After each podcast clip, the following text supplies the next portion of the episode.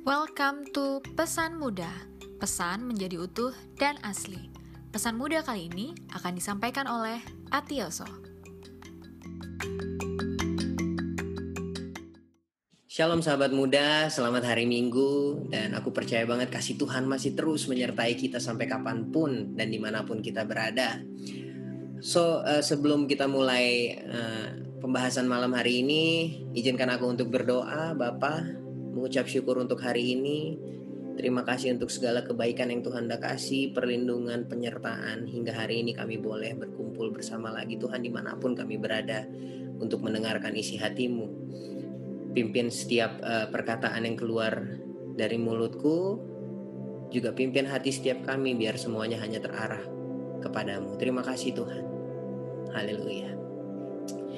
Oke, uh, sesuai dengan tema bulan ini, Pastor Radit sampaikan kita akan berbicara tentang Heart of Covenant, hati di dalam ikat janji dan uh, aku suka banget untuk bahas ini karena menurut aku Tuhan datang terlebih dahulu untuk mengikat janjinya bersama kita, bukan kita yang punya inisiatif tapi Tuhan yang datang untuk mengikat janjinya dengan kita terlebih dahulu.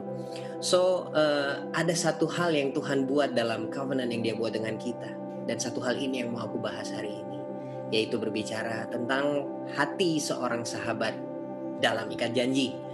So teman-teman uh, ngomongin hati seorang sahabat dalam ikat janji, kita harus mengerti dahulu bagaimana sih postur kita, postur yang uh, seharusnya kita bawa dalam ikat janji kita bersama Tuhan.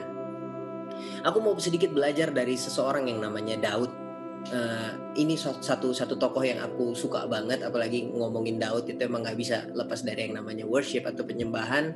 Dan aku uh, banyak belajar dari kisahnya Daud tentang penyembahan. Dan yang menarik hari ini aku akan start dari satu ayat di kisah para rasul 13 ayat 22 Firman Allah berkata demikian Setelah Saul disingkirkan Allah mengangkat Daud menjadi raja mereka dan tentang Daud, Allah telah menyatakan, "Aku telah mendapat Daud bin Isai, seorang yang berkenan di hatiku dan yang melakukan segala kehendakku." Daud Tuhan sendiri yang bilang kalau dia ini orang yang berkenan di hatinya Tuhan. Seringkali kita sih uh, pede banget yang ngomong kayak gue nih orang yang berkenan di hati Tuhan. Tapi Daud ini Tuhan sendiri yang ngomong kalau dia ini orang yang berkenan di hatinya Tuhan. Tapi aku suka untuk belajar dari terjemahan yang lain dan di bahasa Inggris dikatakan bahwa Daud adalah the man after God's own heart. Kalau kita terjemahkan secara literal dibilang kalau Daud ini orang yang hatinya mengejar hati Tuhan. Daud bukan cuma sekedar dibilang berkenan tapi dia itu mengejar hatinya Tuhan. Apakah kedua ayat ini bertentangan? Aku rasa enggak sama sekali sih. Justru buat aku ini jadi satu penjelasan yang cukup jelas ya di mana uh, Tuhan be begitu berkenan ke hatinya Daud yang mengejar hatinya. Dengan kata lain kalau aku boleh bilang dibilang begini. Perkenanan Tuhan atas Daud itu adalah hasil pengejarannya dia akan hatinya Tuhan juga. Karena Tuhan bilang kalau dia mencari kok. Jadi dia lihat ada orang yang hatinya begitu mengejar hatinya Tuhan. Dan Daud itu nggak pasif perkenanan Tuhan itu sifatnya bukan pasif kita diam. Iya betul kita memang dilayakkan kita ini bukan membuat diri kita layak. Tetapi uh, Tuhan punya perkenanan sama kita itu muncul dari bagaimana kita menangkap hatinya. Istilahnya kalau kita punya hati yang selaras sama dia apa pun yang kita ucapkan itu apa yang ada di hatinya dia pastinya. Amin teman-teman. Daud itu orang yang benar-benar kejar hatinya Tuhan. Dan itu semuanya asalnya dari hatinya Daud. Kenapa karena hati adalah satu tempat di mana setiap orang pribadinya keluar atau hati adalah tempat pribadi setiap orang bermuara. Amsal 27 ayat 19 bilang kok kalau hati manusia itu mencerminkan manusia tersebut. Artinya bukan pekerjaannya, bukan jabatannya, bukan kemampuannya, bukan karunianya, tapi hatinya yang mencerminkan pribadi setiap orang itu tersebut. Nah ini jadi uh, penting buat kita bahwa kita mengerti hati kita waktu kita datang sama Tuhan. Apalagi ngomongin tentang persahabatan. Buat aku Daud ngajarin satu hal yang spesial banget. Semenjak Daud disamperin sama Samuel, Samuel ke rumahnya Isai dan dia bilang kalau Daud ini adalah orang yang Tuhan mau jadikan raja. Sebelum dia akhirnya benar-benar menjadi raja, itu butuh paling tidak 15 tahun kalau menurut catatan sejarah yang pernah aku baca ya di Google kah di beberapa buku literatur bahwa Daud itu butuh 15 tahun dari dia dibilang dia akan menjadi raja sampai dia benar-benar menjadi raja. Tapi apakah di tengah perjalanannya itu Daud datang sama Tuhan, Tuhan kapan nih gue jadi raja? Kayaknya enggak ya. Daud tetap yang dia kejar adalah hatinya Tuhan. Dia cuma lakukan, lakukan, lakukan, lakukan apa yang berkenan kepada Tuhan. Dalam artian Daud tidak fokus sama apa yang Tuhan bisa kasih, tapi Daud cuma terfokus sama pribadinya Tuhan. Amin teman-teman, dia tetap lakukan apa yang jadi pekerjaannya mengembalakan kambing domba sampai akhirnya dia menjadi seorang raja. Yang dia bangun hubungan dia dengan Tuhan itu bukan cuma waktu dia di posisi terbaik, tapi di setiap posisi di setiap waktunya dia. Amin teman-teman. Waktu kita punya hati yang benar-benar mengejar dia, sekarang kita mau belajar bagaimana sih hati seorang sahabat di dalam ikat janji. Dan ini yang menarik bahwa Tuhan Yesus sendiri yang menginisiasikan atau Tuhan sendiri yang pertama kali mengajarkan tentang hati seorang sahabat di dalam ikat janji. Kita baca uh, ayatnya dari Injil Yohanes pasal 15 ayat yang ke-15. Dia bilang begini. Aku tidak menyebut kamu lagi hamba sebab hamba tidak tahu apa yang diperbuat oleh tuannya. Tetapi aku menyebut kamu sahabat karena aku telah memberitahukan kepada kamu segala sesuatu yang telah kudengar dari Bapakku. Amin teman-teman. Tuhan Yesus yang memanggil kita duluan sahabatnya. Kita sering memanggil dia sahabat kita dalam nyanyian, mungkin keseharian kita yang kita hidupi. Tapi ingat Tuhan sendiri yang pertama kali memanggil kita sahabatnya. Karena pada waktu itu banyak orang yang datang sama Tuhan, oke okay, gue mau jadi hambanya Tuhan deh, gue mau jadi istilahnya tanda kutip budak melayani Tuhan. Tapi Tuhan bilang, oke okay, sekarang kamu aku panggil sahabat, lebih dari sekedar hamba karena aku mau berbagi hatiku dia mau bagi apa yang dia dengar dari bapaknya sendiri. Namun sebelum kita jauh-jauh untuk berkata uh, kita ini sahabat Tuhan atau kita sering banget kan nyanyikan I'm a friend of God and that's good. Tapi sebelum ke situ aku mau kita sama-sama belajar ada satu standar yang Tuhan Yesus sendiri ajarin sama kita mengenai persahabatan. Bukan berarti aku bilang Tuhan ada syaratnya nih, enggak, tapi Tuhan menunjukkan sesuatu tentang persahabatan yang kita nanti sama-sama akan belajar. Yohanes 15 ayat 12 sampai 13 ini kata Tuhan Yesus. Inilah perintahku yaitu supaya kamu saling mengasihi seperti aku telah mengasihi kamu. Tidak ada kasih yang lebih besar daripada kasih seorang yang memberikan nyawanya untuk sahabat-sahabatnya. Amin teman-teman. Kasih seorang sahabat yang memberikan nyawanya. Ini menarik banget karena Tuhan Yesus ngomong itu nggak cuma sekedar omongan. Dia lakukan dengan dia mati di kayu salib. Ingat, buat kita semua.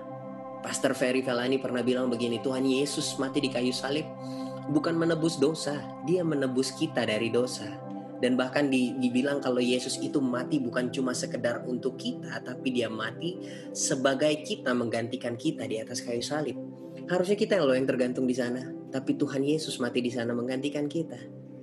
Amin teman-teman. Dan di sini satu hal yang Yesus ajarkan bahwa seorang sahabat seorang sahabat bersahabat dengan pihak yang lain tidak berfokus pada dirinya sendiri. Gak ada persahabatan yang lahir dari keuntungan pribadi. Itu jahat sih kalau menurut aku kalau kita bersahabat tapi apa yang bisa gue dapat dari sahabat gue. Tapi justru persahabatan itu tidak seharusnya berfokus pada diri sendiri. Tapi ini yang kita harus sama-sama jujur. Ini juga buat aku pribadi. Kita harus sama-sama bertanya. Berapa kali atau berapa banyak atau sering kalikah kita datang dan mengklaim bahwa kita ini sahabat Allah, tapi setiap kali kita datang sama dia, kita lebih condong untuk meminta berkatnya, mujizatnya, apa pun lah yang Tuhan bisa kasih buat kita. Apakah salah kita berharap dari sumber yang tidak terbatas? Sekali lagi enggak. Tapi kalau pengejaran kita akan dia terbatas pada apa yang sekedar bisa dia berikan tanpa kita memberikan hidup kita seutuhnya buat dia dan kita mengenal hati kita dan hatinya Tuhan secara selaras membuat hati kita dan hati Tuhan menjadi selaras atau mengenal hatinya lebih lagi, aku rasa itu terlalu cetek untuk jadi satu pengejaran. Yesus tunjukkan secara hebat kok arti persahabatan yang dia buat sama kita. Tapi masalahnya waktu kita ngeklaim kita sahabat Tuhan, sahabat Allah, sahabat Yesus, kita datang nggak seperti dia waktu datang buat kita. Nah, masihkah standar persahabatan Yesus itu menjadi juga standar persahabatan kita sama dia? Karena apa yang kita lakukan buat dia, kasih kita sama dia, sama seperti kita mengasihi dia, itu yang akan terjadi, akan kasih kita terhadap sesama. Bagaimana kita membangun persahabatan kita dengan Tuhan, itu yang akan kita bangun kepada sesama kita juga. Amin teman-teman. Minggu lalu Devi bagiin tentang Mazmur 24 yang sangat menarik banget buat aku yang cukup relate sama apa yang mau aku bagikan karena Devi bilang di Mazmur 24 bahwa uh, Mazmur 24 berkata bahwa mereka yang murni hatinya adalah mereka yang mengarahkan hatinya sepenuhnya kepada Tuhan. Kalau melihat dari persahabatan dan hati yang murni, aku mau tafsirkan ini secara bebas. Bahwa mereka yang murni hatinya, yang terpaku hatinya sama Tuhan, yang arahnya hatinya kepada sama Tuhan, adalah mereka yang benar-benar menjadi sahabatnya Tuhan. Amin teman-teman. Satu kali lagi Daud ngajarin kita juga dalam persahabatan Daud dengan Allah yang dia bangun dengan Allah yang mungkin kita semua uh, sering baca tapi mungkin kalau buat aku pribadi aku sering miss bahwa ada satu hal yang berbeda yang Daud bangun daripada yang aku bangun at least sama Tuhan. Daud punya satu hal yang berbeda yang namanya keinginan. Ini yang mau aku lebih banyak bahas. Apakah salah kita punya keinginan pribadi, mimpi pribadi yang besar, gue pengen ini, gue pengen itu, dan Tuhan, aku mohon Tuhan sertai aku di setiap perjalanan hidupku sampai mimpiku terjadi, enggak. Sekali lagi, uh, untuk bermimpi nggak ada yang salah. Untuk punya cita-cita yang besar nggak ada yang salah. Tapi dari perjalanannya Daud, aku belajar satu hal. Bahwa Daud mengubah mimpinya. Dari satu mimpinya yang besar menjadi mimpi yang ukurannya mimpinya Tuhan.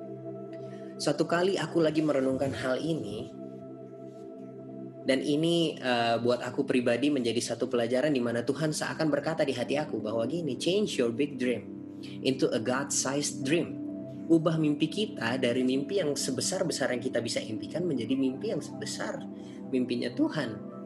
Terlalu berlebihan nggak? Aku rasa uh, aku nggak mau masukin takaran seperti itu ya. Kalau buat aku pribadi, aku akan terus kejar hatinya Tuhan. Aku rasa kita lebih baik untuk terus kejar apa yang jadi keinginannya dan kita bawa itu ke sini karena cita-cita Tuhan adalah uh, jadilah kehendaknya di bumi seperti di surga surga harus nyata di bumi dan itu dia mau lakukan dengan partnership bersama kita dia nggak mau lakukan itu sendirian. Dia bisa tapi dia memilih dia bisa tapi dia memilih untuk berpartner dengan kita. Makanya diajarin kita untuk berdoa Bapa kami dan kita mau bawa apa yang dia kerjakan. Bahkan ada tertulis di Alkitab apa yang dia kerjakan kita akan kerjakan. Bahkan even greater work dia bilang. So, aku rasa nggak ada salahnya untuk kita ubah persepsi kita untuk bermimpi sebesar apa yang jadi mimpinya Tuhan. Bukan cuma buat kita tapi buat dunia. Amin. Karena kalau kita cuma bermimpi besar dan kita pikir itu yang ada di raihan tangan kita, kita akan kehilangan Tuhannya. Karena kita akan merasa kita nggak butuh Tuhan. Kita hanya akan datang sama Tuhan untuk bilang thank you ini udah terjadi. Tapi kita lupa bahwa kita harus menggantungkan juga semuanya. Bukan untuk kepentingan kita tapi kepentingan kerajaan sorga.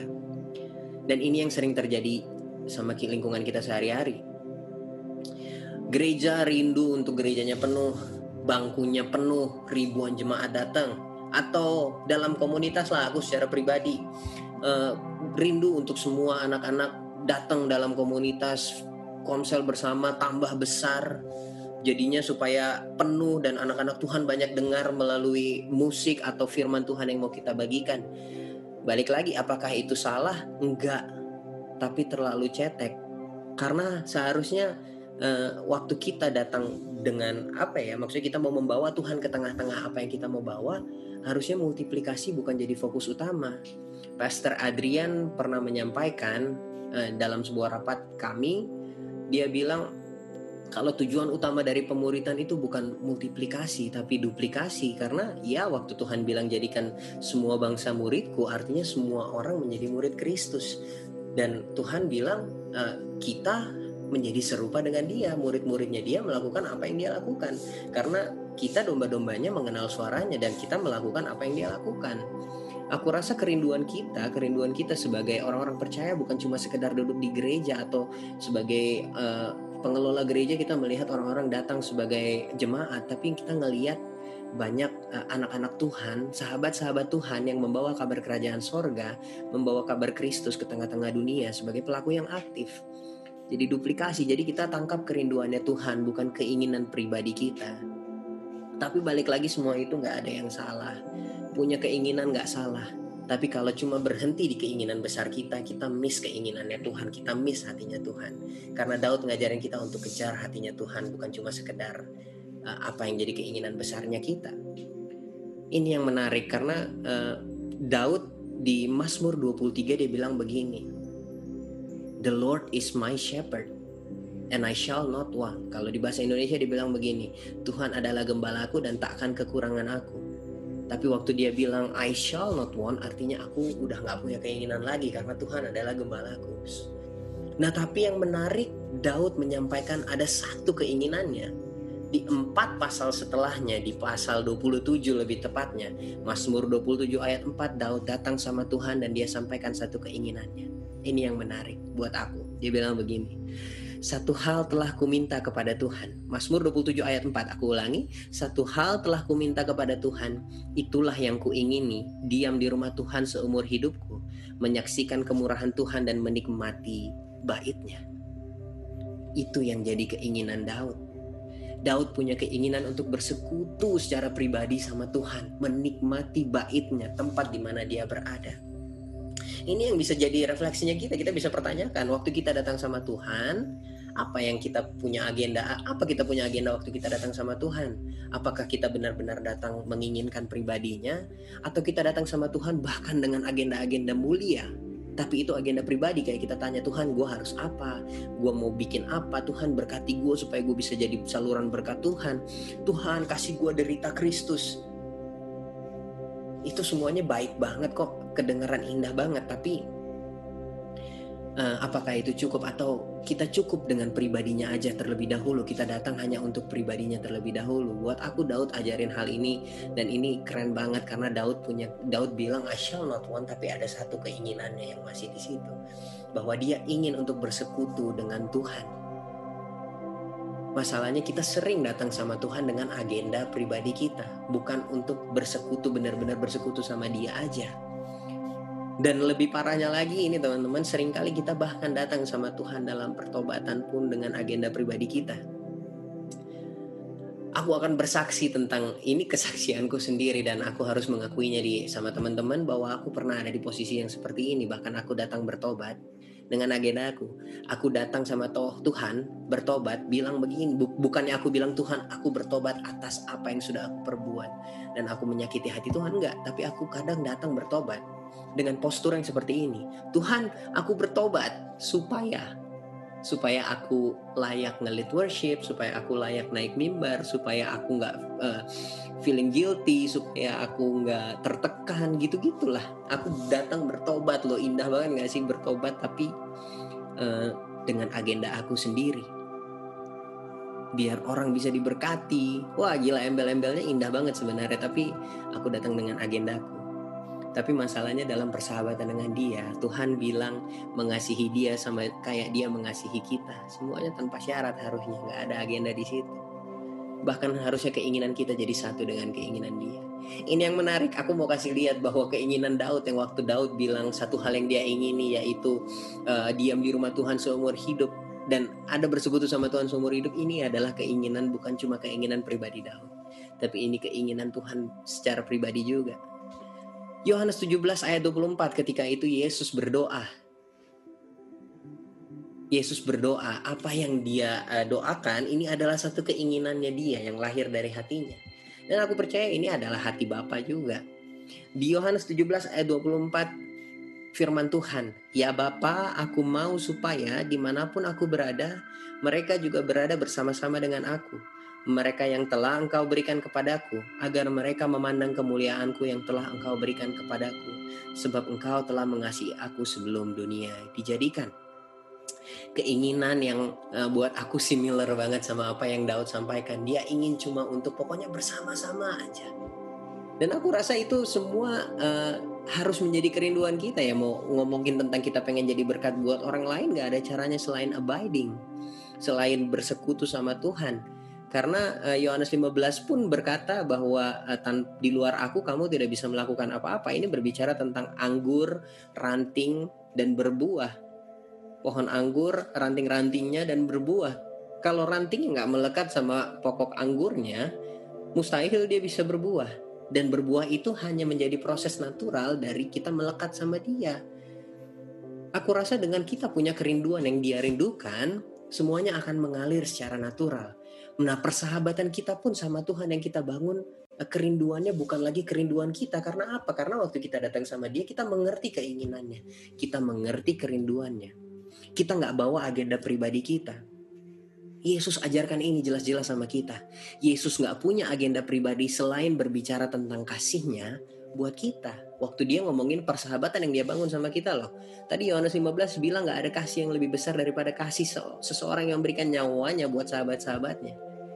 Yesus kasih nyawanya buat kita dan itu standar persahabatan yang Yesus kasih buat kita. Keinginannya adalah untuk mengasihi kita. Nah, waktu kita datang sama Tuhan sebagai sahabatnya, apa yang jadi keinginan kita? Ini tantangan buat kita bersama kok. Waktu kita bilang kita ini sahabatnya, kita cek lagi agenda-agenda yang kita bawa. Apa sih yang kita mau sampaikan sama Tuhan? Apa sih eh, kita datang sama dia tuh lagi nyogok, apalagi benar-benar datang sama dia untuk bilang Tuhan kau sahabatku. Itu supaya Tuhan berkati atau kita memang kejar pribadinya, kita kejar hatinya. Kita tanya, apakah persahabatan kita sama Tuhan kita bangun, kita kita sengaja bangun untuk kepentingan pribadi kita atau karena kita memang merindukan hatinya. Aku mau tutup dengan ayat ini karena perjalanan persahabatan kita itu nggak mungkin perjalanan yang uh, flat, lurus, mulus-mulus aja enggak. Dalam perjalanan persahabatan ada naik turunnya dalam artian kita menghadapi masa-masa sulit, masa-masa sukar, masa-masa mudah. Nah, dalam persahabatan kita dengan Tuhan pun sama terkadang kita mengalami hal-hal di mana kita sulit untuk datang sama Tuhan untuk bilang kalau Tuhan kau baik, kau sahabatku, kau indah. Aku mau tutup dengan ayat ini. Amsal 17 ayat 17 berkata demikian. Seorang sahabat menaruh kasih setiap waktu dan menjadi seorang saudara dalam kesukaran ini yang menurut aku uh, menjadi relate sama apa yang Tuhan bilang bahwa kasihnya itu harus mengalir kayak gini. Tadi kalau Tuhan bilang tuh gini, kita mengasihi dia sama kayak dia mengasihi kita dan begitu juga cara kita mengasihi sesama kita. Dan ini tercermin dari cara kita mengasihi Tuhan.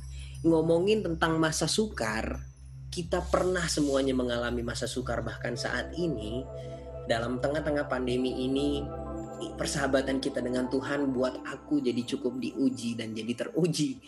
Waktu kita di masa-masa yang gak menentu ini, bagaimana poros hati kita waktu kita datang sama Tuhan? Apakah kita masih datang karena ya dia memang sahabat kita dan kita mau dekat dengan dia? Atau kita datang sama dia minta supaya Tuhan kabulkan doa kita karena kita banyak kebutuhan? Atau kita justru mempertanyakan keberadaan Tuhan di mana sih Tuhan? Kok masa-masa kayak gini bisa terjadi? Kalau Tuhan ada, kenapa ada COVID? Tuhan tolong aku dong aku nggak punya uang nih gini-gini atau kita benar-benar di masa yang seperti ini pun sekali sekalipun kita masa yang seperti ini kita bisa bilang kayak gini Tuhan apa pun yang dunia tawarkan engkau cukup engkau cukup Tuhan itu yang jadi tantangan buat kita akhir-akhir ini kita bisa renungkan ini di masa-masa sekarang ini? Apa sih yang menjadi agenda-agenda yang secara sadar atau enggak sudah kita bawa setiap kali kita datang sama dia? Di masa-masa seperti ini persahabatan kita adalah masa-masa yang tepat untuk diuji dengan uh, persahabatan kita dengan Tuhan untuk diuji.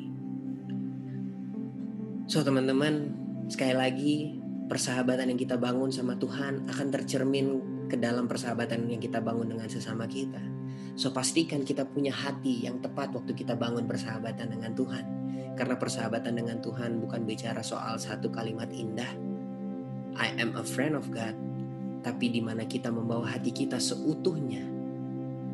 Hanya untuk kepentingan kerajaan sorga dan untuk mengenal dia lebih dan lebih lagi. Untuk terus bersekutu bersama dia selama-lamanya.